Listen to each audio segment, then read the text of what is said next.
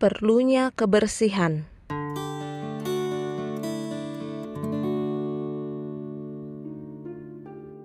Kesehatan yang baik memerlukan darah yang baik, karena darah itulah yang menyalurkan daya hidup. Darah memperbarui yang aus dan memeliharakan badan. Darah yang dicukupkan dengan bahan makanan yang baik dan bila dibersihkan dan disegarkan oleh udara yang bersih akan membawa hidup dan kekuatan ke seluruh bagian tubuh. Peredaran darah yang lebih sempurna akan menghasilkan pekerjaan yang lebih sempurna.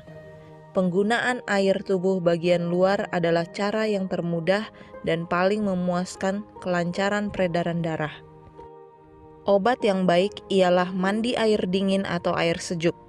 Mandi air hangat akan membuka pori-pori pada kulit dan dengan demikian terbuanglah kotoran dan daki. Mandi air hangat dan air biasa menyegarkan syaraf serta membawa keseimbangan peredaran darah. Senam menghidupkan serta membuat keseimbangan pada peredaran darah, sedangkan orang yang tidak bergerak badan tidak mempunyai peredaran darah yang teratur dan perubahan yang perlu bagi hidup dan kesehatan tidak tercapai. Kulit sendiri pun tidak lagi aktif. Kotoran tidak lagi terbuang seperti yang terjadi pada waktu tersenyum. Kulitnya berada dalam keadaan yang sehat dan paru-paru pun berisi udara yang bersih dan segar. Paru-paru haruslah berada dalam keadaan yang sebebas-bebasnya. Tenaga paru-paru bertambah melalui gerakan yang bebas. Tenaganya berkurang jika terdesak dan tertekan. Itulah sebabnya terjadi akibat-akibat buruk karena kebiasaan yang sangat umum teristimewa bagi mereka yang melakukan pekerjaannya dengan duduk dan membongkokkan badan. Dalam keadaan tubuh yang demikian, tak mungkin dapat bernafas hanya sekedarnya saja, sehingga paru-paru tak dapat mengembangkan. Dengan demikian, terjadilah kekurangan oksigen, darah mengalir lamban, kotoran yang dikeluarkan tubuh yang beracun yang seharusnya bisa terbuang sewaktu bernafas dari paru-paru sekarang tertinggal dan menyebabkan kotornya darah. Bukan hanya paru-paru saja yang terpengaruh, tetapi turut juga lambung, jantung, dan otak. Kulit jadi pucat, pencernaan lamban, jantung tertekan, otak jadi suram, pikiran jadi bingung, jadi murung, segenap tubuh tertekan dan lemah, teristimewa sangat mudah terserang oleh penyakit paru-paru selalu membuangkan kotoran dan karenanya sangat memerlukan udara segar. Udara yang kotor tidak mencukupkan oksigen yang dibutuhkan sehingga darah yang mengalir ke otak dan organ yang lain tidak mendapat cukup kekuatan. Oleh karena itulah, pertukaran udara yang seksama sangat perlu. Tinggal dalam kamar yang tertutup dan tidak ada pertukaran udara sehingga udara terhenti dan busuk akan melemahkan seluruh tubuh. Dengan demikian, mudah diserang selesma dan walaupun sedikit saja masuk angin, sudah diserang penyakit. Ibu-ibu yang kebanyakan tinggal di rumah jadi pucat dan lemah. Mereka berulang-ulang menghirup udara yang sama sehingga sudah diracuni oleh zat yang keluar dari paru-paru dan pori-pori dan dengan demikian yang kotor pula lah dimasukkan ke dalam darah. Banyak orang yang sakit karena tidak membiarkan udara yang bersih pada malam hari masuk ke dalam kamarnya. Udara semawi yang tidak perlu dibeli adalah salah satu karunia yang dapat kita nikmati. Kebersihan yang apik sangat berguna bagi kesehatan jasmani dan pikiran.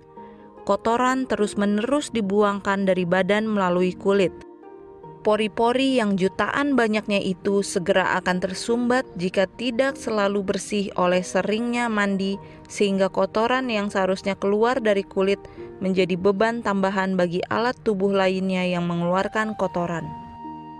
Pada umumnya, orang akan beroleh banyak faedah karena mandi air dingin atau air hangat setiap pagi atau sore.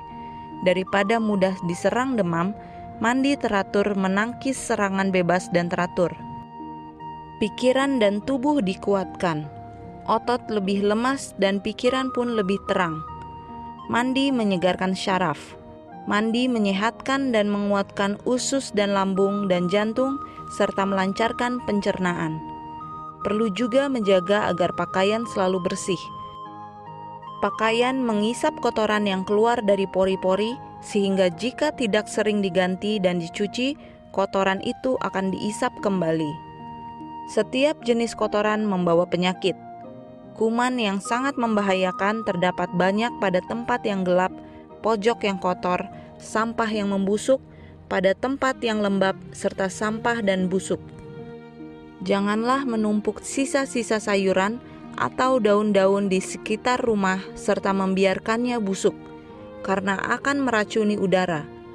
Janganlah sesuatu yang busuk dan kotor dibiarkan dalam rumah. Kesempurnaan dalam soal kebersihan memperoleh banyak sinar matahari, ketelitian perhatian terhadap setiap bidang kesehatan hidup keluarga sangat penting bagi kebebasan dari penyakit dan bagi kegembiraan dan kegairahan setiap penghuni rumah tangga.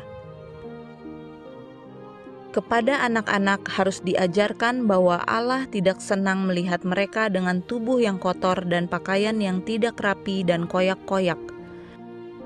Oleh menjaga pakaian tetap necis dan bersih adalah salah satu cara menjaga kebersihan dan segarnya pikiran. Terlebih, pakaian yang langsung kena pada tubuh haruslah selalu dibersihkan. Kebenaran tidak pernah menginjakan kakinya yang suci pada jalan yang najis atau kotor. Dia yang teliti agar bangsa Israel harus menanamkan suatu kebiasaan bersih, takkan menyetujui kenajisan di dalam keluarga umatnya pada zaman ini. Allah tidak senang terhadap setiap jenis kenajisan. Kenajisan, pojok yang kotor di dalam rumah cenderung menajiskan dan mengotori jiwa surga bersih dan suci, maka semua yang melewati gerbang negeri Allah haruslah lebih dulu memperoleh kebersihan badan dan jiwa di dunia ini.